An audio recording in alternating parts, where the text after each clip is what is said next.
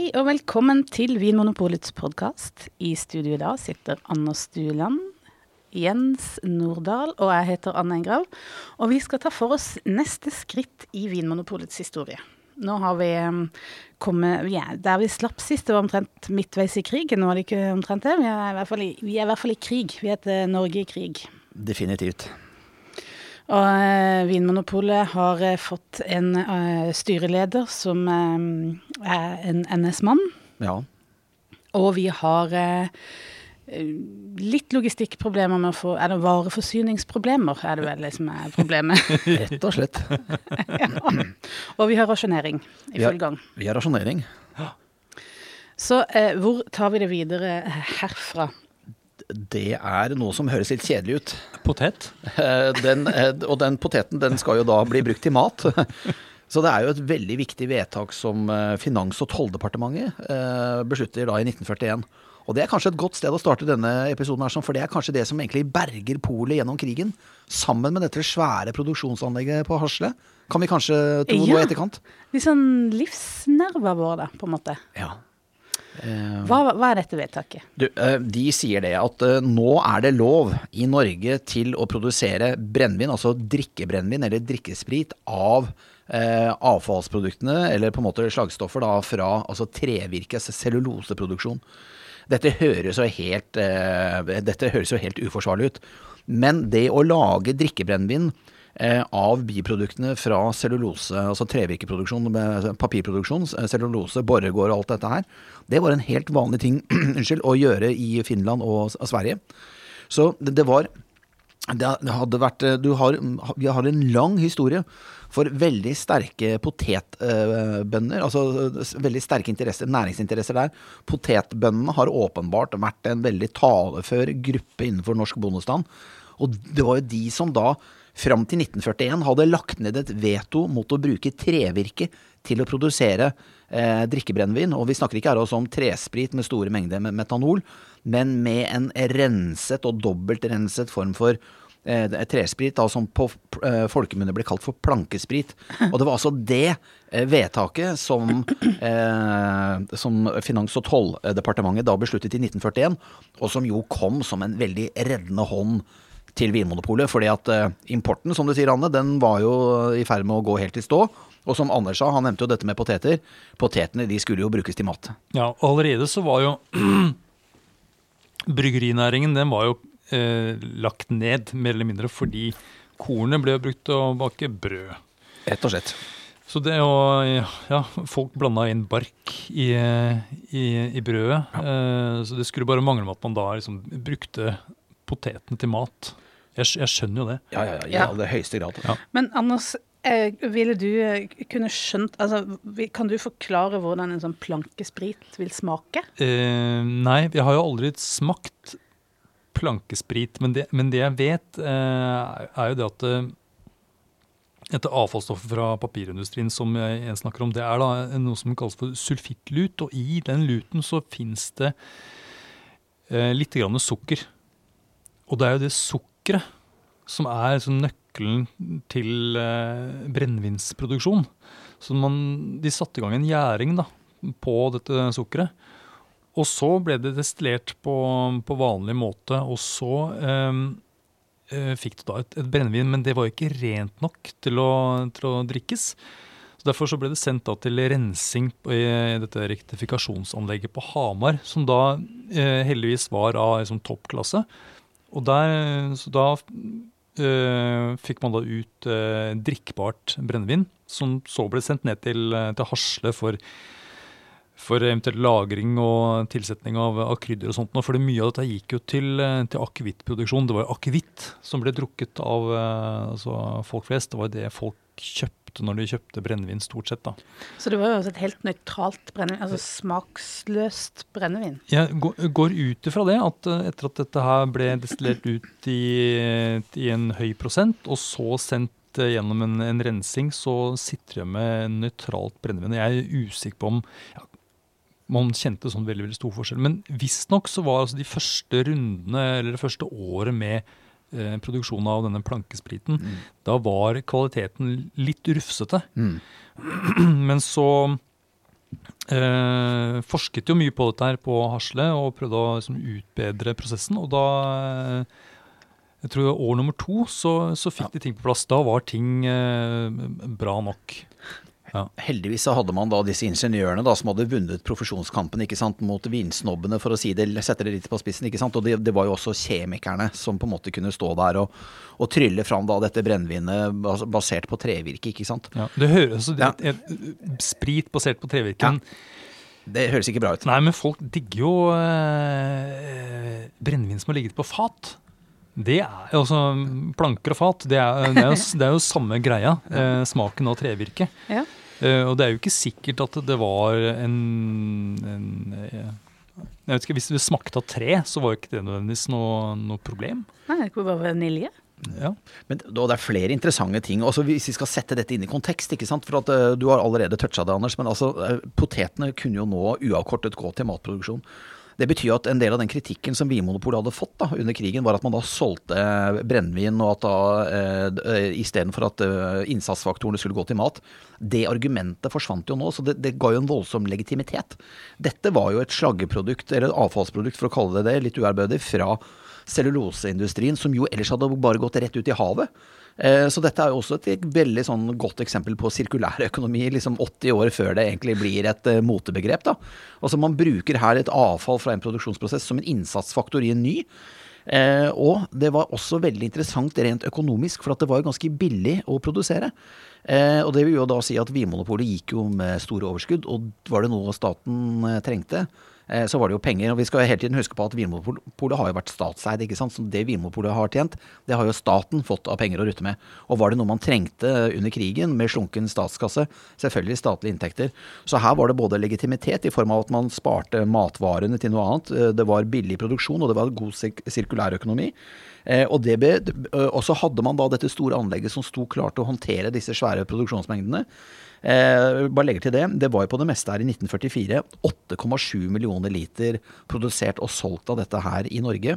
Eh, et normalår nå med langt flere innbyggere i Norge, så selges det jo ca. 3 millioner liter vodka i Norge. Og brennevin totalt, hvis man tar med seg akevitt og konjakk og gin og rom og alt mulig rart, så selger vi Før pandemien da, så solgte vi vel en 11-12 eh, millioner liter eh, årlig, hvis ikke jeg husker feil. Så altså nesten 9 millioner liter eh, sånn kall det plankesprit produsert på Hasle.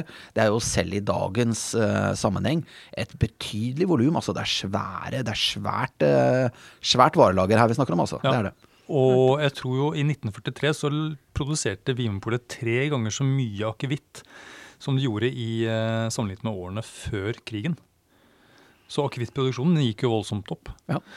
Og en annen ting som er interessant, er det at eh, eh, akevitt som er merket som norsk akevitt nå, må jo være basert på potet. Yes. Så det har blitt et krav om at det skal være potet som, eh, som råvare. Ja.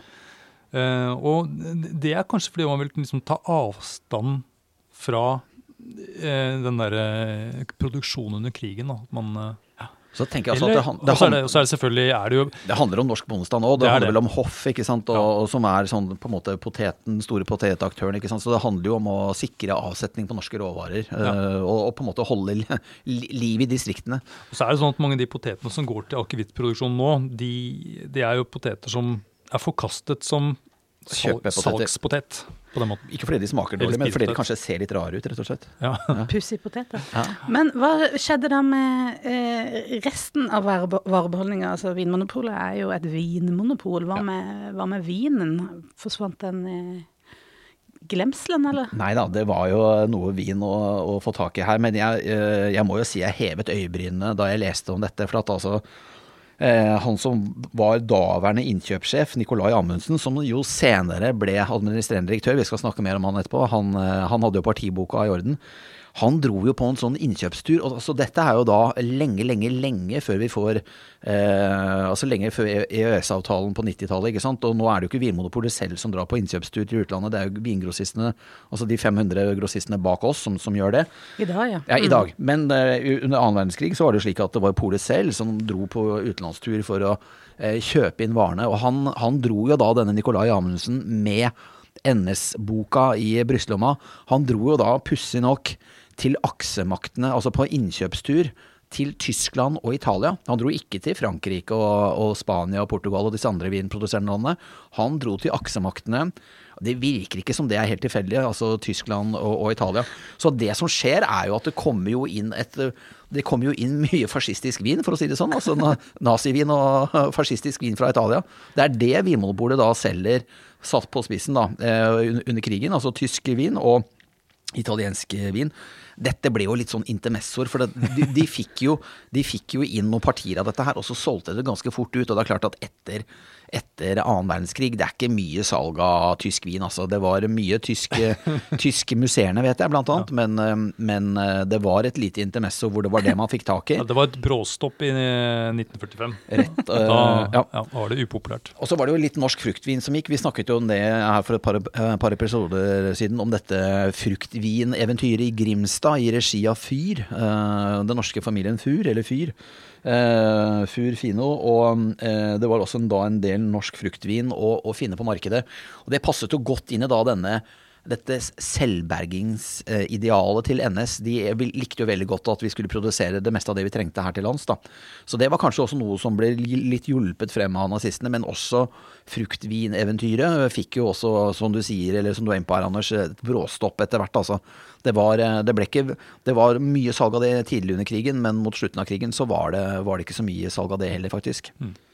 Eh, og så var det jo da denne Wiss da, som vi snakket om i forrige episode, altså Vinmonopolets styreleder. ikke sant? Han hadde jo da vært en forretningsmann i Frankrike i 20 år. og Han hadde, hadde franske forbindelser. Han hadde franske forbindelser, og det nøt jo da Vinmonopolets kunde godt av under krigen. Rett og slett fordi at han orkestrerte jo en del import av eh, franske varer til Norge. Altså da fransk rødvin, eh, konjakk selvfølgelig, den type ting. Eh, og morsomt nok, eh, det var jo en, en tid med, med, matmangel og varemangel, så jeg vet at i 1942 så ble jo veldig mange av disse franske varene man da fikk til Vinmonopolet, de ble jo da betalt med, hold dere fast, torskerogn og pelsskinn. Ble ikke gjort opp i kontanter, men torskerogn og pelsskinn. Så sånn var det da. Og så kan vi sitte og le av det nå, men altså, det var jo, det var jo noe for noe da. Ja, jeg ser for meg at det er liksom det ene forbinder jeg med luksus, den andre mer, hva skal jeg si. Ja. Jeg ser for meg en sånn handel på, mm. utenfor igloen. men ja, jeg nevnte jo at var, produksjonen av akevitt gikk jo i taket, men et problem var jo det at en del av disse krydderne som ble brukt i akevitt, det ble etter hvert vanskelig å få tak i. Ja. Eh, til og med karve og, og einebær. Ja. Eh, og Vinmonopolet de gikk ut med en sånn form for eh, kampanje der de oppfordret folk til å plukke karve selv, eller, eller einebær, som da vokser vilt i Norge. Og så skulle Vinmonopolet betale for det. Mm. Men det var ingen respons. Ingen respons? Nei, det var altså Til tross for at eh, nordmenn eh, var, var jo flinke under krigen og gå ut i skogen og, og, og, plukke ting, så var det da ingen som ville tjene penger på å, å, å plukke eh, krydd, altså karve eller einer Hæ? for Vinpolet. Og det er jo litt eh, Jeg har ikke helt, fikk ikke klarhet i hvorfor det ble sånn, men kan det ha noe med at eh, Vinmonopolet da var under NS-ledelse? Ja. Eh, så man ville ikke eh, få betalt av NS, på en måte. Det, det, det, tror jeg kanskje du kan ha rett i, Anders. og Det, det henger jo på greip. For vi vet jo det at det blir jo trykt opp 16 000 brosjyrer med eh, 'plukk karve, vi skal kjøpe den'. Og det var også én person som hadde svart på den, men det, det returnerte ikke et eneste gram med karve. Og det er ganske pussig, for at så sent som i 1880-årene så hadde Norge vært en storeksportør av karve. Hele 250 tonn karve solgte Norge. Altså, det er helt vilt. Altså, jeg tenker, Hvor lang tid har det ikke tatt å plukke 250 tonn med karve? Eh, Norge eksporterte eh, 250 tonn med karve i, eh, som vokser vilt i Norge da, eh, i, på 1880-tallet. Så at da nordmenn ikke bidro i denne karvedugnaden eh, til eget beste veldig pussig. Og jeg, som du sier, Anders, altså det må jo ha sammenheng med NS-styremannen og alle disse frankerte konvoluttene som da kom med NS bygger Norge, mm. ikke sant, fra Nye Norge, fra Vinmonopolet, og, og, det at man etter hvert også da fikk en NS-ledelse, eh, denne Nicolai Amundsen, ikke sant. Altså klart at eh, jeg, det, må da, det må ha vært en motvillig ja. måte å hjelpe nazistene på den måten. Jeg tro, jeg, tror, ikke det var Det var jo ikke sånn at folk brukte einebær og karve selv til å lage sin egen akevitt. Det tror jeg ikke sånn. Altså Hjemmebrenning det tror jeg var Det var umulig, Det var nesten umulig, fordi eh, Det var sukkerrasjoner. var jo ikke noe sukker. Og, du kunne, og det var jo ikke noe lett å få smuglet ting eh, inn heller. Altså, eh, grensekontrollen var jo steinhard. Ja, og, og, og smugling var veldig risikabelt fordi det var krig. Altså, du, enten du kom med båt, eller du på en måte kom med hest og kjerre, eller du prøvde å få det på tog, eller hva, hva pokkeren da. Altså, det var veldig risikabelt. Det var Grensepasseringene var um, umulig, og, det, og man kunne jo bli torpedert til sjøs. Så smuglervirksomheten under krigen var veldig risikabel, og gjorde jo at det var veldig lite med smuglervarer generelt å få tak i, i hvert fall når, polvarer. da. Så som du sier, nei, det var eh, Hvorfor ikke folk eh, plukket karve under krigen, det er et mysterium. Og vi har ikke svaret på det her i studio i dag heller. Eh, Men la oss eh, se for oss da at eh, her sitter eh, nordmenn og hungrer etter eh, tida uten krig, der man drakk fine franske eh, konjakker. Var det noe tilgang på det, disse her flotte sakene? Ja, det var, det var lite grann. Det kom sånne drypp av, av konjakk og whisky til landet. Og jeg tror mange av vinmonopolbutikkene hadde en, en, en dagskvote på disse originalvarene som de kunne selge Noen få flasker eh, hver dag. Eh, og det fikk jo folk med seg. De visste at det var begrensa antall, så de, de stilte opp og sto i kø eh, veldig lenge eh, for å da være de første som kunne komme inn i butikken og få kjøpt da originalvare. Så hver dag så ble det sluppet liksom et par varer. Mm, sånn som jeg har forstått det, ja. Og så ble det organisert på litt andre måter eh, etter hvert, dette med original, salg av or, or, originalvarer. Ja, og Særlig i Oslo var det jo en etterspørsel etter disse originalvarene. Kanskje ikke så mye rundt omkring i landet, men særlig i Oslo. Det var jo da 14 pol eh, i Oslo i drift under krigen. Og dette ble jo da 14 lange, veldig synlige køer i bybildet.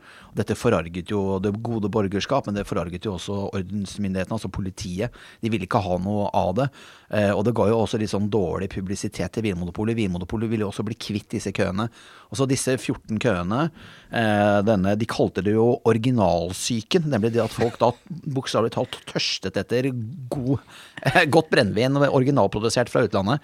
Denne originalsyken var jo veldig synlig da. Man, noen syntes vel også at det var litt sånn stusslig at det liksom var eh, alkohol som skulle få folk til å stå eh, i lange køer der ute i bybildet. Så man ville jo bli kvitt disse køene, ikke sant. Og så var det jo massevis av mulige, ulike tiltak for å på en måte ordne opp i det, da. Og det, det ble jo bare verre, for å si det sånn. Ja, hva gjorde de? De prøvde da altså eh, De tenkte at ok, eh, 14 køer det er litt for mye, så vi, eh, vi begrenser det til at det er kun fem av Oslo-butikkene som kan selge originalvarer. Og i tillegg så kan de bare selge det på torsdager. Men hva skjedde da? Ja, da, Hva skjedde da? da ble det køene, de fem, fem, fem butikkene, ble jævlig lange. 100 meter! Og folk, folk møtte jo opp da, eh, til og med eh, dagen før. Klokken tre dagen før, på onsdagen. onsdager! Da sto det allerede folk i kø for å skaffe seg en, eh, en flaske med konjakk. Men vent litt. Dette, dette minner meg om noe vi kjenner fra i dag. Og, og pressen møtte opp. ikke sant? Dagbladet, Aftenposten, de var der liksom nesten hver torsdag for å rapportere da fra Ja, for det minner om den tinga. Det minner om spesialslippet på Aker Brygge. Ja, Er det historien som gjentar seg Nok en gang. Nei, for det er jo Nok det at Fordi vi har jo nå en ordning på det som vi kaller for spesielt ettertraktede produkter. originalvarer? Originalvarene. Som da slippes bare et kun fåtall eh, butikker. Og der hvor det også er køer. Mm. Uh, Men- og det var men- lange, lange, lange køer. Men- Og og, kvoter. Ja. Ja, ja. Men det, her var det jo altså da velstående mennesker som står i kø, eller er det ja, det var jo akkurat også sånn som i dag, da. At uh, det var en ny parallell til dagens For det var jo slik at disse bemidlede direktørene og disse som tjente gode penger, rikfolka, det var jo ikke sånn at de nødvendigvis ville stå i denne køen selv. De fikk jo selvfølgelig noen til å stå for seg i køen. Uh, sånn at eh, det å bli en profesjonell køstår, det var jo også et nytt yrke som krigen brakte med seg. Det var jo mange som kunne tjene ganske gode penger på det å stå i kø. Eh, og en eh, helt vanlig betaling for å stå i kø en hel natt. For det var jo mange som eh, Det var ikke hver natt at folk, eller dag at folk begynte å stå onsdag klokken tre. Men det var veldig ofte sånn på natten, og sånn natt til torsdag og sånn. ikke sant? Så at folk sto der i Sovepose ja, de holdt på sånn, da. Eh, og da fikk de altså fem, 25 kroner for å stå i kø en hel natt. Og den billigste whiskyen kostet 1950 eh, under krigen, ikke sant. Sånn at du, det, eh, du, du har jo da på en måte fått antagelig en ganske grei sum for å stå der i kø natten gjennom, altså. Eh, men dette eh, dette forarget jo også i den forstand at eh, det, det var liksom rikingene som havna opp med godbitene uansett, for de betalte jo bare for det. Ja, for det var jo ikke tanken. Man ville jo at hvem som helst skulle få liksom, muligheten til å kjøpe originalvarene. Ja, og så ble det jo litt sånn svartebørs rundt dette her òg, ikke sant. Altså, dette, dette ble jo fort altså, Produktene var så ettertraktet at hvis du fikk tak i det som en arbeiderperson, så kunne du sikkert da selge det dyrere, På ikke sant. auksjon. Privat orkestrert eh, rett i etterkant, rett og slett fordi at det var så ettertraktet. Det var en, var en form for valuta, det å ha originalflasker. Um, Absolutt. Så, så selv om du da ikke Du behøvde ikke å drikke brennevin selv engang. Allikevel så uh, kunne ende opp med å stå i, i kø, nettopp fordi den flaska du fikk tak i, kunne jo bytte med tobakk eller, uh, eller flesk eller penger eller ja. Ja, ja. Fordi det satt da direktører og rikfolk rundt og, og betalte villig. Ja, så da kunne de bare De behøvde ikke møte opp engang på polet, de kunne bare sende noen andre som kom og sto i Ja. kø. Og... In, in, inntil et visst punkt, for altså, det var disse kjøpskortene, ikke sant. Eh, Man måtte jo ha et kjøpskort for å få lov til å kjøpe på Vinmonopolet. Det ble institusjonalisert i 1941. Eh, eh, så var det jo slik at eh, når du da fikk en person til å stå i kø for deg, så ga du jo han kjøpskortet ditt, så da kjøpte du egentlig på fullmakt. Så det neste skrittet fra Vinmonopolet, for man ville jo ikke ha disse køene. Og po, politiet var jo veldig negative til det, for det ble litt sånn ordens... Kunne bli litt slåsskamper, og det, og det forarget også den gode borgerlige moral, som vi sa i sted, ikke sant. Sånn at man ville jo bli kvitt disse køene. Og eh, det ble da eh, et forbud mot, altså For å bli kvitt køene, så ble det da et forbud mot å kjøpe på fullmakt for andre. Du måtte stå i køen selv. Og da har vi lest oss til at da var det en brennende nysgjerrighet i i, i Dagbladet da, i Oslo, altså avisen, ikke sant, om hvordan ville da denne køen arte seg nå, etter at det da ikke var lov å ha stedfortredere, eller på en måte å få andre til å kjøpe for seg. Og da var det jo slik at det var de samme gutta, de samme profesjonelle køståerne, som kom om natten og stelte seg der, og køen så helt lik ut inntil rett før polet skulle åpne.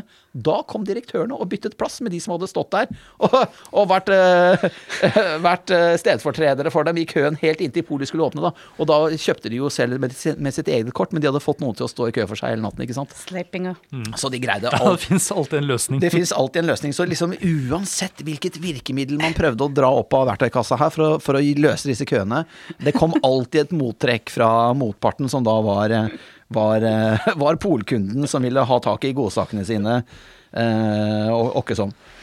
Men disse polkøene, hvordan Altså, det var stor misnøye eh, med de. Hva gjorde, hva gjorde styresmaktene, øvrighet, da, for å få bli kvitt det, da? Var det bare å forby? Ja, det er rett og slett det som skjedde. Det ble et køforbud. Uh, og man fikk da ikke lov til å stå i polkø før klokken halv åtte om uh, morgenen. Og det var jo slik at man ble jo arrestert. Ja, du ler du, Anne, men altså, dette var realiteten. Og er dette var, dette var realiteten under krigen, for det er det vi sitter og snakker om nå. Altså hvordan artet hverdagslivet seg for folk under krigen. Og det var altså ikke lov til å stå i polkø under krigen etter hvert. Hva, altså, Før klokken halv åtte om morgenen. men halv åtte, det var da butikken åpna, eller? Eh, Det husker jeg ikke i farten, men eh, den åpna nok litt seinere. Ja, ok. Ja, men, øh, men i hvert fall så var det ikke lov til å stå foran øh, polet i kø. Eh, og det var heller ikke lov til å stå der i øh, hva, vi kaller, hva de kalte skinnkø, men det kan vi snakke om etterpå. Men i hvert fall så var det da eh, et køforbud eh, fram til klokken halv, halv sju um, Unnskyld, halv åtte om morgenen. Eh, og da um, var det jo en litt sånn nervøs uh, stemning her uh, i, i gaten, ikke sant? For Ja, for fordi folk holdt seg ikke hjemme. Nei, ja, og ventet at ikke nei, nå, jeg venter, jeg, og så går jeg heller ned klokka halv. Det var ikke det de gjorde. Nei, de posisjonerte seg. De lå på De gjemte seg i portrom og bak biler og på gater. Ja.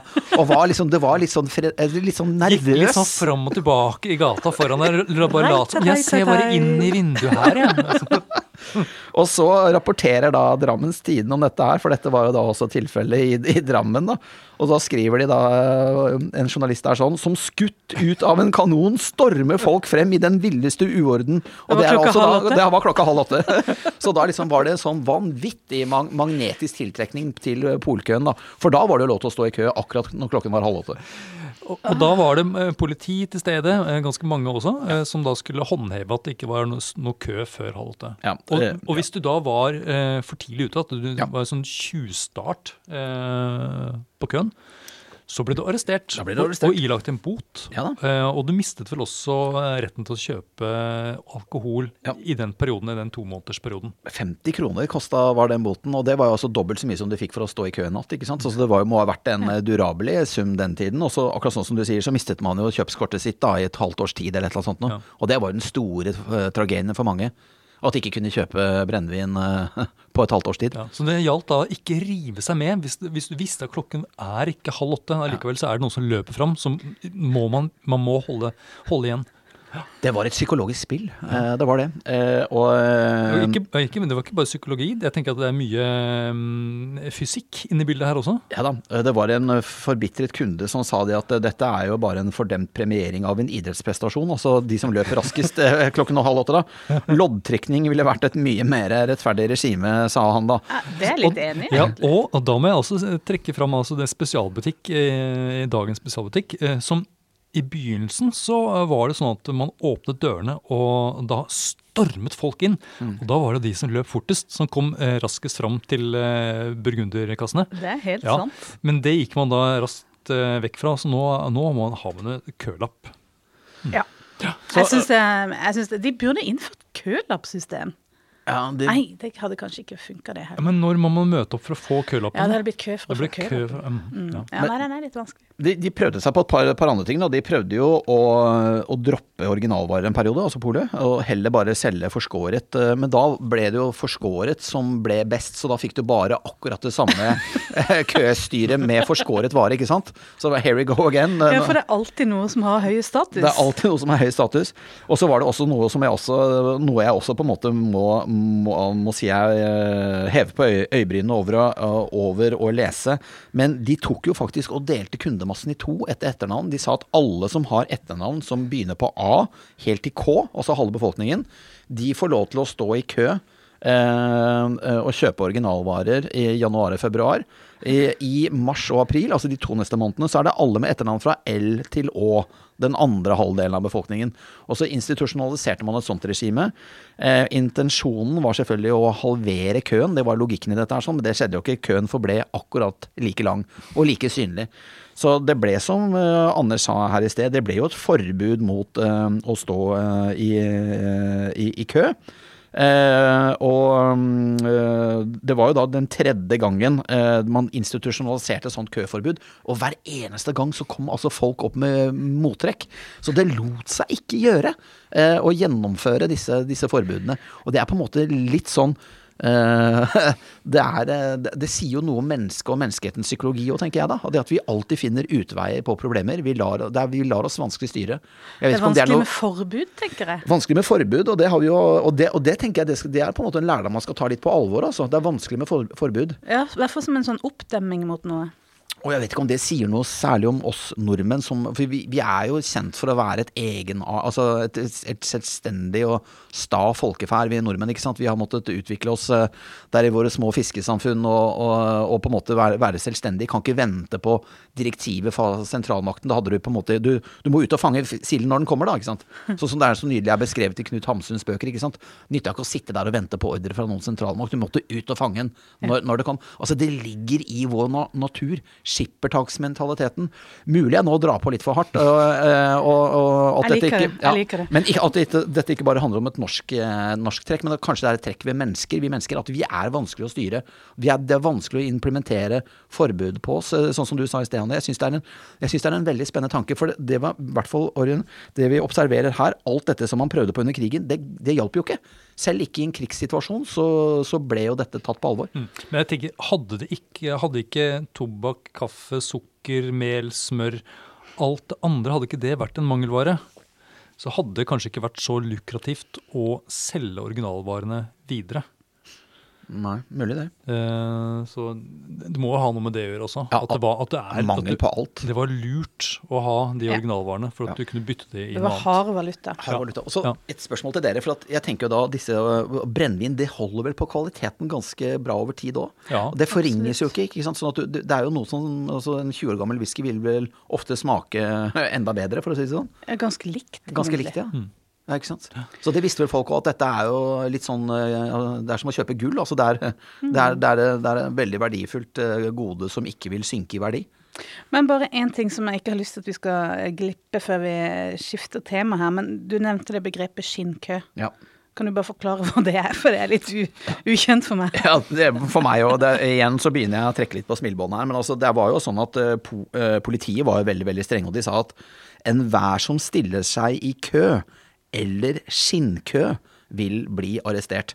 Og da tenker jeg at Kø er jo da helt opplagt noe som er en kø. At folk står etter hverandre. Men skinnkø må vel være noe som da politiet kan argumentere for er en kø. Altså noe som ikke nødvendigvis trenger å være en kø, men litt sånn tilfeldig ansamling av folk på et gatehjørne. Eller hvis veldig mange står og lusker bak en bil for å liksom eh, løpe fram til uh, polutsalget, så vil man da kanskje kunne kalle det en skinnkø.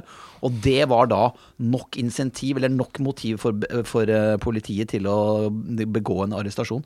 Jeg tenker at det begynner å bli ganske drøyt, og er, vi er jo ikke vant til noe sånn politistat her i Norge. Så det at liksom, politiet kan arrestere folk fordi de påstår at det kan se ut som det står i kø, det er jo veldig unorsk, da. Ja. Ja. en annen ting, altså det, det, Rutene på en del Vinmonopol-butikk ble, ble, jo knust også under disse her kø kaoset. Det var et ordensproblem, og det har vi vel egentlig glemt å si her underveis. Men altså, du har helt rett i det, Anders. Det var jo basketak, det var jo slåsskamper om å komme først i køen. Eh, folk fikk jo ødelagt klærne sine, de falt og slo seg, det var mye blodige knær. Og det var akkurat sånn som du sier, så vidt jeg forstår, så har jo folk også blitt presset gjennom eh, ruten mm. på, mm. på Vim. Ja, ja. Og falt inn i butikken og, og opp i glasskår og skåret seg alt mulig sånn. Så det var jo et ordensproblem, og, og, dette var jo en eskalerende situasjon. Så man måtte jo sette foten ned. Det eh. vitner om noe sånn desperasjon, det her, altså. Når du presser andre gjennom vindusruta. Det er ikke bare fordi at du har lyst på konjakk til kaffen da. Nei, det, det, det, kan jo være investeringsobjektet, da. Mm, ja. uh, at du på en måte uh, Du er nødt til å skaffe mat, og, og, du vet at du kan bytte den flaska som du sa i sted, Anders, mot flesk og bønner og, og masse god mat, for å si det sånn. da. Så det, det ligger jo en desperasjon under her, ja, og ulmer. Og det, er ikke mer enn en 80 års tid siden, vel. Og det, gjør jo inntrykk. Altså, dette er vår by. Vi sitter jo nå i Oslo og spiller inn denne podkasten. Det er jo liksom rett rundt gatehjørnet, og ikke så mange tiår siden. Det gjør inntrykk å lese om, altså. Mm. Mm, absolutt. Eh, la oss gå videre. Eh, for vi hadde jo altså da eh, fram til 1943 så hadde vi en direktør som het Arnold Holmboe. Ja. Var han en NS-mann? Nei, han var en vanlig mann. Og det kan jo nesten virke som han var All respekt til Holmboe, for å si det sånn, men eh, eh, han, han, avtegner seg ikke så veldig tydelig i historien. Så kanskje han har vært en litt sånn tørr, grå type. Jeg vet ikke. Det er i hvert fall ikke mange saftige historier om han, og ikke noe vi har funnet ut. Han har nok da styrt skuta med en, en brukbar hånd, for å si det sånn, og de, han har sikkert hatt fokus på, på stø kurs. Eh, han går jo av med pensjon Eh, da i eh, våren 1943. Eh, NS har jo lenge prøvd å bli kvitt han, men gamle Holmboe har klort seg fast. Og det igjen også er liksom ting jeg stusser litt over. Altså Greide ikke NS som satt og representerte den tyske okkupasjonsmakten, greide ikke de bare å bli kvitt en direktør? Eh, de satt jo der med styreformann og alt mulig, og liksom ministeransvar. Jeg tenker det er litt pussig at de ikke har greid å få til det. Men det har de altså ikke greid, av ulike årsaker. Eh, men når han går av med pensjon, så ser de jo da sitt snitt til å liksom kapre den administrerende direktørposten, og da er det jo da denne Nicolai Amundsen, som vi allerede har omtalt. Han som var og kjøpte vin fra Italia og Tyskland? Ja, han som sørget for uh, fascistisk vin til det norske folk, for å si det sånn. For å si det litt sånn fleipete og småvulgært. Men han, han, var jo en mann som hadde blitt kalt oppflasket på vinbransjens filosofi, så vidt, jeg, så vidt vi forstår. Han ble jo ansatt i Vinmonopolet og jobbet seg opp i systemet tidlig på 20-tallet, så han var vel egentlig bare drøyt 20 år da han begynte i Vinmonopolet. Han var faktisk ikke mer enn 39 år gammel da han ble administrerende direktør i Vinmonopolet da våren 1943. Han hadde selvfølgelig partiboka i orden, og var jo akkurat av samme kaliber som denne Wist, altså styreformannen som vi snakket om i forrige episode. En opportunist som da hadde meldt seg inn i NS sommeren 1940, straks da han så hvilken retning det gikk. Og jeg tenker at den, den type menn er sånn. jeg Eh, jeg, jeg, er, eh, jeg, jeg, skjønner jo det raseriet de ble møtt med etter krigen, altså. opportunister. Og det, dette var også, som du nevner, en som hadde liksom sin opplæring fra denne her gamle vinhandlerbransjen fra før eh, polet ble etablert. Og du nevnte jo den her profesjonskampen. Ja. Noe lite sånn herre glimt av den igjen, da. At du har en slags sånn tilbake til vinhandlergjengen.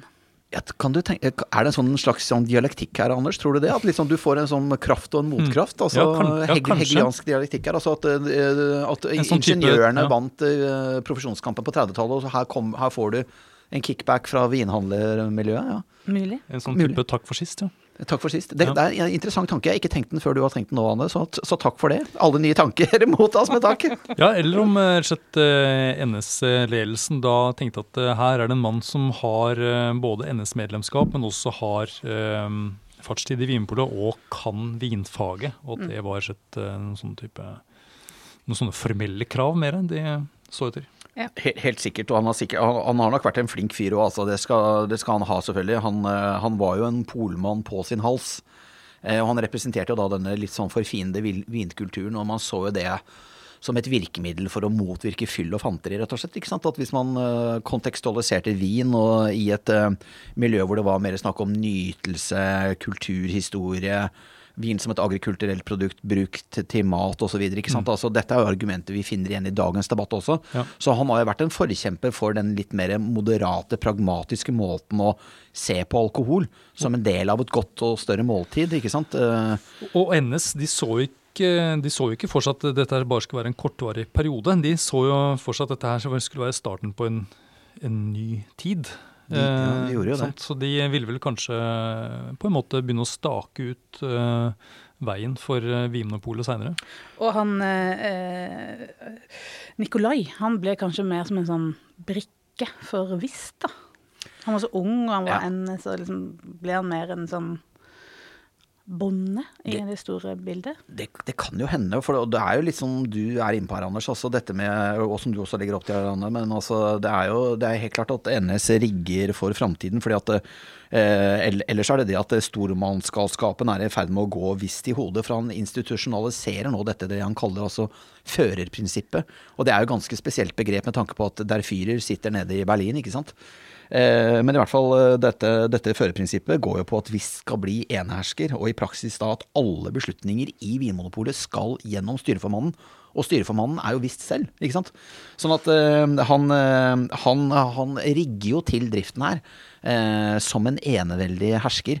Og her ser vi de, kanskje de mer sånn institusjonaliserte grepene som vi litt sånn indirekte har etterlyst i denne episoden tidligere, men også i forrige episode. Altså nesten litt overrasket over at nazistene og NS ikke legger mer makt bak kravene. Her ser vi altså i 1943 at denne visst er i ferd med å ta grep. Eh, organisatoriske grep i forhold til sin egen status. Han vil begynne å bestemme alt selv. Eh, men det tok jammen noen år før han liksom fikk det til. Det som jo på en måte er historiens litt sånn eh, morsomme gang her, er jo at denne, denne Wist han er jo veldig mye ute og reiser. da? Han hadde jo et voldsomt nettverk i Frankrike, så han er veldig mye ute i Europa og reiser. Og er følgelig da ikke så mye i Norge. Så han, han har så mange jern i ilden. Eh, At han har liten tid til å følge opp eh, gjerningen sin som styreformann i Vinmonopolet.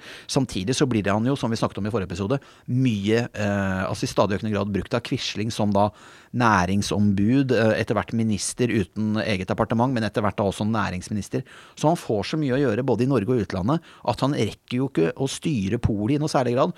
Og kanskje er det det som en litt sånn historisk tilfeldighet, det at han får så veldig mye å gjøre på andre områder, gjør at han da, når han har på en måte har tilrøvet seg all makten selv, så har han ikke et maktapparat som drar beslutningene hans- ut. Og kanskje bidrar det til at polet da går litt klar av denne nazifiseringen. Han har blitt for grådig på makten. Han vil kontrollere alt selv, men makter ikke å følge det opp. Ja, han for- fordi han bare er én person. For fraværende, rett og slett. Han er for fraværende i, i Norge og utlandet. Men, men sett at han hadde vært til stede. Hvilke eh, ideer, hvilke retninger ville NS eh, trekke polet, da? Det er ikke eh, godt å si. Det blir jo rene spekulasjoner, og jeg er altfor lite opplest på krigen til å kunne svare godt på det. Men altså eh, vi, le, vi tok jo for oss i forrige episode disse litt puslete tingene med endret, eh, endret frankeringsmaskin og bilde av Quisling på pauserommet og liksom plakater, eh, NS-plakater på alle kontorer og alt mulig sånn.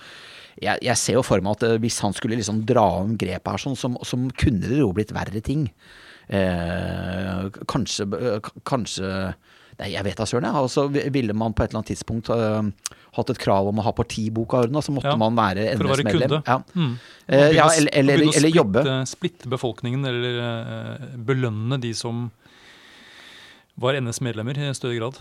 Kanskje vi da må titte litt mer i retning av totalitære, og i hvert fall autoritære regimer. Hvordan foregår det i Nord-Korea? Altså, altså, og all opposisjon er, er, er ugreit. ikke sant? Du kan ikke tale styresmakten imot. Altså, det hadde vel gått i en mer autoritær, om ikke totalitær eh, retning. Og Ja. I det totalitære så er det, jo, er det jo bare én måte å tenke på. Du har ikke lov til å tenke på noen annen måte enn den, må, enn den måten eh, lederen tenker på. ikke sant? Og denne her eh, svartelista ville vel blitt utvida ganske greit, ja. Eh, Med mindre de da så eh, en eh, stor nytte av å ha kunder, for Polet har jo hele tiden gitt statlige inntekter. Og det var nok et, en, For at NS etter hvert de hadde jo et pragmatisk forhold til, til Vinmonopolet. De ønsket jo ikke at Vinmonopolet skulle stenge. Det ga jo Vi skal huske på det. Vinmonopolet har jo hele, gjennom hele historien vært en melkeku for norske myndigheter. Ja, og til tross for at mange NS-folk faktisk var jo mm, motstandere av alkohol. Ja, de hadde jo dette ariske bildet sitt da, av, eh, av sunne mennesker som levde selvbergede liv der ute i Distrikts-Norge. Og, eh, og veldig mange NS-folk ville jo selvfølgelig da gjerne tørrlegge Norge, det er helt riktig. Eh, Men både Vist og NS-regjeringen var jo helt tydelige på at de valgte en pragmatisk linje. eh, Og det var da, som jeg sa i sted, alle disse inntektene til staten da, som, som, eh, som var toneangivende, der. sånn. Og så har jeg funnet et sitat. Jeg vet ikke om det er riktig å bruke ordet søtt, jeg, men altså, det er jo i hvert fall litt sånn det, er, det er en sånn dualisme, eller en dobbelthet i det, da, som, som, Uh, som jeg syns uh, som jeg syns er litt interessant. For at han visst, han sier jo det, da.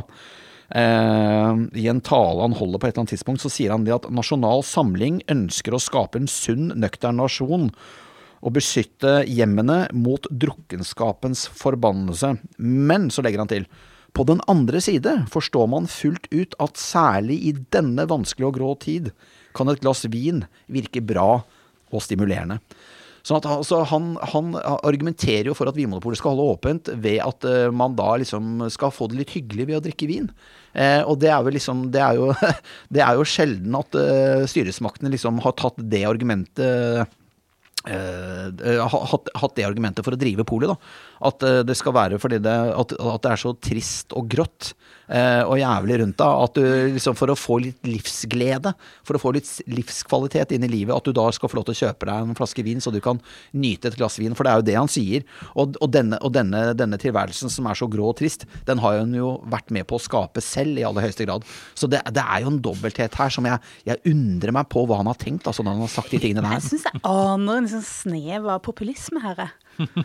At han vil, ikke, han vil ikke være den eh, han er, han er tross alt bare den som har innført disse nye Ja, frankeringsmaskinene. samtidig så er han en ja-mann. Ja, Han er en ja-mann. Visst for er en det, ja-mann. det er ikke anger her. Det er ikke begynnende anger. Nei, det er ikke det. Eh, det, nei, men det var i hvert fall et press mot å stenge polet under krigen, da, som dere sa her i sted. Og, eh, og det, det som er interessant, er jo at, eh, at denne plankespriten som vi snakket om i, starten av episoden, den, den hjalp jo polet veldig. For det var jo ikke da lenger snakk om å bruke poteter til til brennevinsproduksjon. Det var nå liksom avfallsproduksjon fra, fra industrien. Eh, og så var det også det at den var billig å produsere, så det ga jo staten gode inntekter. Eh, og så var det eh, også det, eh, Vinmonopolet selv, for dette var åpenbart en en, eh, en innvending eller en kritikk man, eh, som et tema som var løpende gjennom hele krigen. Nå måtte man vel snart se å stenge Vinmonopolet. Men Vinmonopolet selv argumenterte jo med at eh, det at Vinmonopolet både gjennom toll og avgifter og overskudd fra selve butikkdriften bidro med veldig mye penger til statskassen, det gjorde at man kunne kompensere for økende produksjonspriser og innkjøpspriser på korn og melk. Eh, altså at de som hadde råd til å kjøpe vin og brennevin i Norge, bidro til å holde prisene på melk og korn, altså helt nødvendige og viktige matvarer, nede. Og at, eh, slik jeg leser dette her, så, så man, argumenterer man jo for en sånn slags kryss subsidiering, altså det en, en omfordelingsmekanisme. Siden staten tjener mye penger på salg av vin og brennevin, som det er helt frivillig å kjøpe, og bare de med god inntekt kjøper, så greier vi å holde prisene på helt livsnødvendige næringsmidler, melk og korn, nede som følge av at staten tjener gode penger på vin og brennevin. Og det var i hvert fall sånn Vinmonopolet selv argumenterte for å holde driften åpen gjennom eh, hele krigen, og det lykkes man med, da. Akkurat. Veldig interessant, syns jeg. Ja, det er veldig interessant. Um, men eh, altså, i, i, løpet av krigen Vi holder åpent hele tida, men uh, ser man noen sånn endring? Jeg skjønner jo at uh, varetilgangen er, har jo uh, veldig mye med saken å gjøre. Men hvordan er det med konsumet i løpet under krigen? Endrer det seg noe?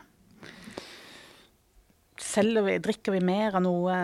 Drikker vi mer sprit? rett og slett. Det er brennevin det går i. Ja. 90, 90 uh, Nå er det egentlig nesten omvendt. Uh, nå er det vel 90% som ikke er brennevin.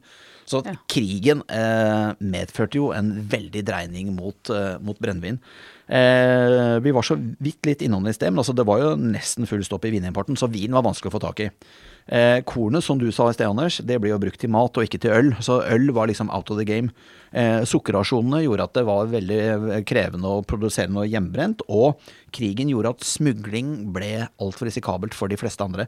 Så var det noe illegal tresprit, altså metanolholdig tresprit, som jo både tok synet av folk, men også i enda verre tilfeller jo drepte folk.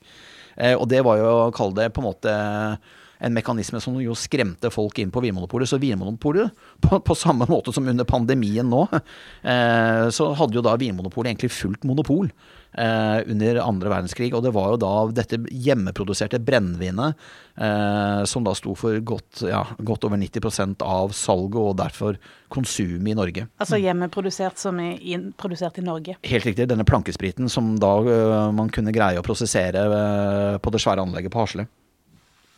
Ja, og jeg bare nevner som et sånt lite kuriosa her. Den, eh, Polet sto jo så sterkt, og har jo vært så eh, gjenstand for eh, eh folkelig oppslutning at tyskerne skjønte jo det at når de, når de, når de hadde på en måte Når nordmenn hadde opponert av den tyske krigsmakten, for å si det sånn, og tyskerne tenkte at nå var det på tide med en represalie, så var det jo sånn at man da, hvis ikke det var en altfor drøy ting nordmenn hadde gjort, så var det jo en litt mer sånn mild represalie var jo da å stenge det lokale polet i byen en periode, ikke sant, noen dager eller noen uker, da, eh, som en kollektiv straff til den norske befolkning. Så, liksom så, så det er bare et bilde på at så sterkt har jo liksom polet stått eh, Eller så, så populære har jo disse varene alltid vært. At liksom når tyskerne skulle liksom ta oss der det gjorde aller mest vondt, så stengte man polet. Men eh, så vi kom oss da, alle sammen heldigvis, eh, trygt, eller nesten alle sammen, gjennom krigen. Og krigen er over. Og i oppgjøret i etterkant Du har jo så vidt nevnt det, men hvordan ble det Vinmonopolets oppgjør etter krigen da? det tror jeg forløp egentlig ganske streit og, og, greit. Det var jo da de, disse 64 personene av drøyt 2000 som var medlemmer av NS, som da mistet jobben sin. Det var ingen bønn for dem. Eh, da var det ikke greit å ha den partiboka i orden. Eh, så var det da 23 såkalt stripete nordmenn eh, som også måtte slutte. Og dette stripete folk var de man tvilte på. De som man ikke helt visste hvor man hadde man trodde kanskje at de kunne ha samarbeidet med tyskerne litt. ikke sant? Så da til sammen 87 personer som mistet jobben sin i Vinmonopolet. visste visst selv, altså styreformannen, som jo hadde tatt dette, disse stadig mer autoritære grepene og ville bli fører eh, etter hvert, eh, han ble jo nesten henrettet eh, for, for Landsvik. Han fikk jo en dom som da het langvarig, eh, livsvarig tvangsarbeid for Landsvik, men han ble etter hvert benådet. Jeg vet ikke når. Eh, og jeg vet ikke hvordan det gikk med han til slutt, men han var i hvert fall out of the game og ble tatt hardt i kraft av å være en del av NS-regjeringen, selvfølgelig. Eh, administrerende direktør, denne Amundsen, Nikolai Amundsen som vi har snakket om, han, eh, han eh, ble sparka. Det samme gjaldt personalsjefen. og Vi vet jo at personalavdelingen da ble opprettet uh, under, under, krigen med intensjon om å på en måte rekruttere de, de rette i gåsehendene personene. Regnskapssjefen også hadde vært en, en NS-person og, og måtte gå. Eh, og så var det da en jurist som heter Gunnar Lindemann, som hadde vært en form for sekretær, eh, men veldig, sekretær veldig høyt oppe i systemet i, i mange, mange år, i Vinmonopolet allerede, som da hadde rene hender. Han tok over driften av Vinmonopolet som administrerende direktør i 1945, og han var jo en bauta. Han var jo en bauta, han satt jo helt eh, til 1969 som administrerende direktør. Og så de neste tre årene så var det faktisk han som skrev da Vinmonopolets eh, historie til 50-årsjubileet. Så han, eh, han, Ikke bare satt han og styrte selskapet i 25 år, han, han hadde også gleden av å være seierherren som eh, forfattet historien i sitt bilde. så han skal vi jo bli kjent med mer i, i episodene som kommer. Jeg syns Vinmonopolets jurister de har alltid vært solide. De ser klart. Så nei, da har vi egentlig kommet til 8. 8. mai, altså. 1945. Krigen er over, og, og Norge går inn i festrus. Uh, og Det er veldig morsomt når vi ser på historiske statistikker. Vi ser jo det at uh, det, salget spretter jo i været som uh, champagnekorker. Og det holder seg veldig høyt i 1946 og 1947. Men hva var det de kunne drikke da? Ja. Plankesprit, liksom. Ja. Nei, det ble, det ble, vel litt mer fart på importen etter hvert. Da, sånn at det, var jo, det må jo ha vært en fest, ikke sant. Og det ble jo, det ble jo etter hvert store, store fødselskull også, ikke sant. Altså det ble jo disse store, rause kullene i norsk etterkrigshistorie. Så det har jo vært eh, landsbygging på mange vis, da, for å si det sånn, eh, i årene etter eh, krigen. Altså det, og vi kan også da lese det ut av våre statistikker. Også under Gerhardsen etter hvert, da, så blir det jo mye mer nøkternhet når landsbyggingen, sånn gjenoppbyggingen etter hvert tar, tar, form. Men dette får jo da heller bli tema for de, for de neste episodene, tenker jeg. Mm. Jeg tror det. Kort eh, oppsummert, hvordan var eh, krigen i, i, Norge på polet? Hva var det som dominerte eh, oss? Hva gjorde det med oss? Nei, jeg, jeg vil jo si at sånn noe som jeg skjønte, det er jo rasjoneringa. Det har satt et, eh, et, et preg i, på folks uh, hverdagsliv, kan man vel si. Veldig. Eh, og at det var enkelte produkter som det var veldig knapphet på, som gjorde at man, eh, ja, man kunne selge det videre til en, eh, til en høy pris, få flesk eller tobakk for det. Og det var køer. Veldig mye køer. Køproblematikk og køforbud. Vi så også et NS som prøvde å koble grepet om bedriften, men som egentlig ikke lykkes, på tross av at de, de erobret både styreformannvervet og administrerende direktørvervet. posisjonen. ja. Ja. Så de, de, lykkes jo ikke. De greide ikke å infiltrere bedriften. Det syns jeg er litt kult. Bedriften var motstandsdyktig. Men de fikk eh, skifta ut frankeringsmaskinen, da.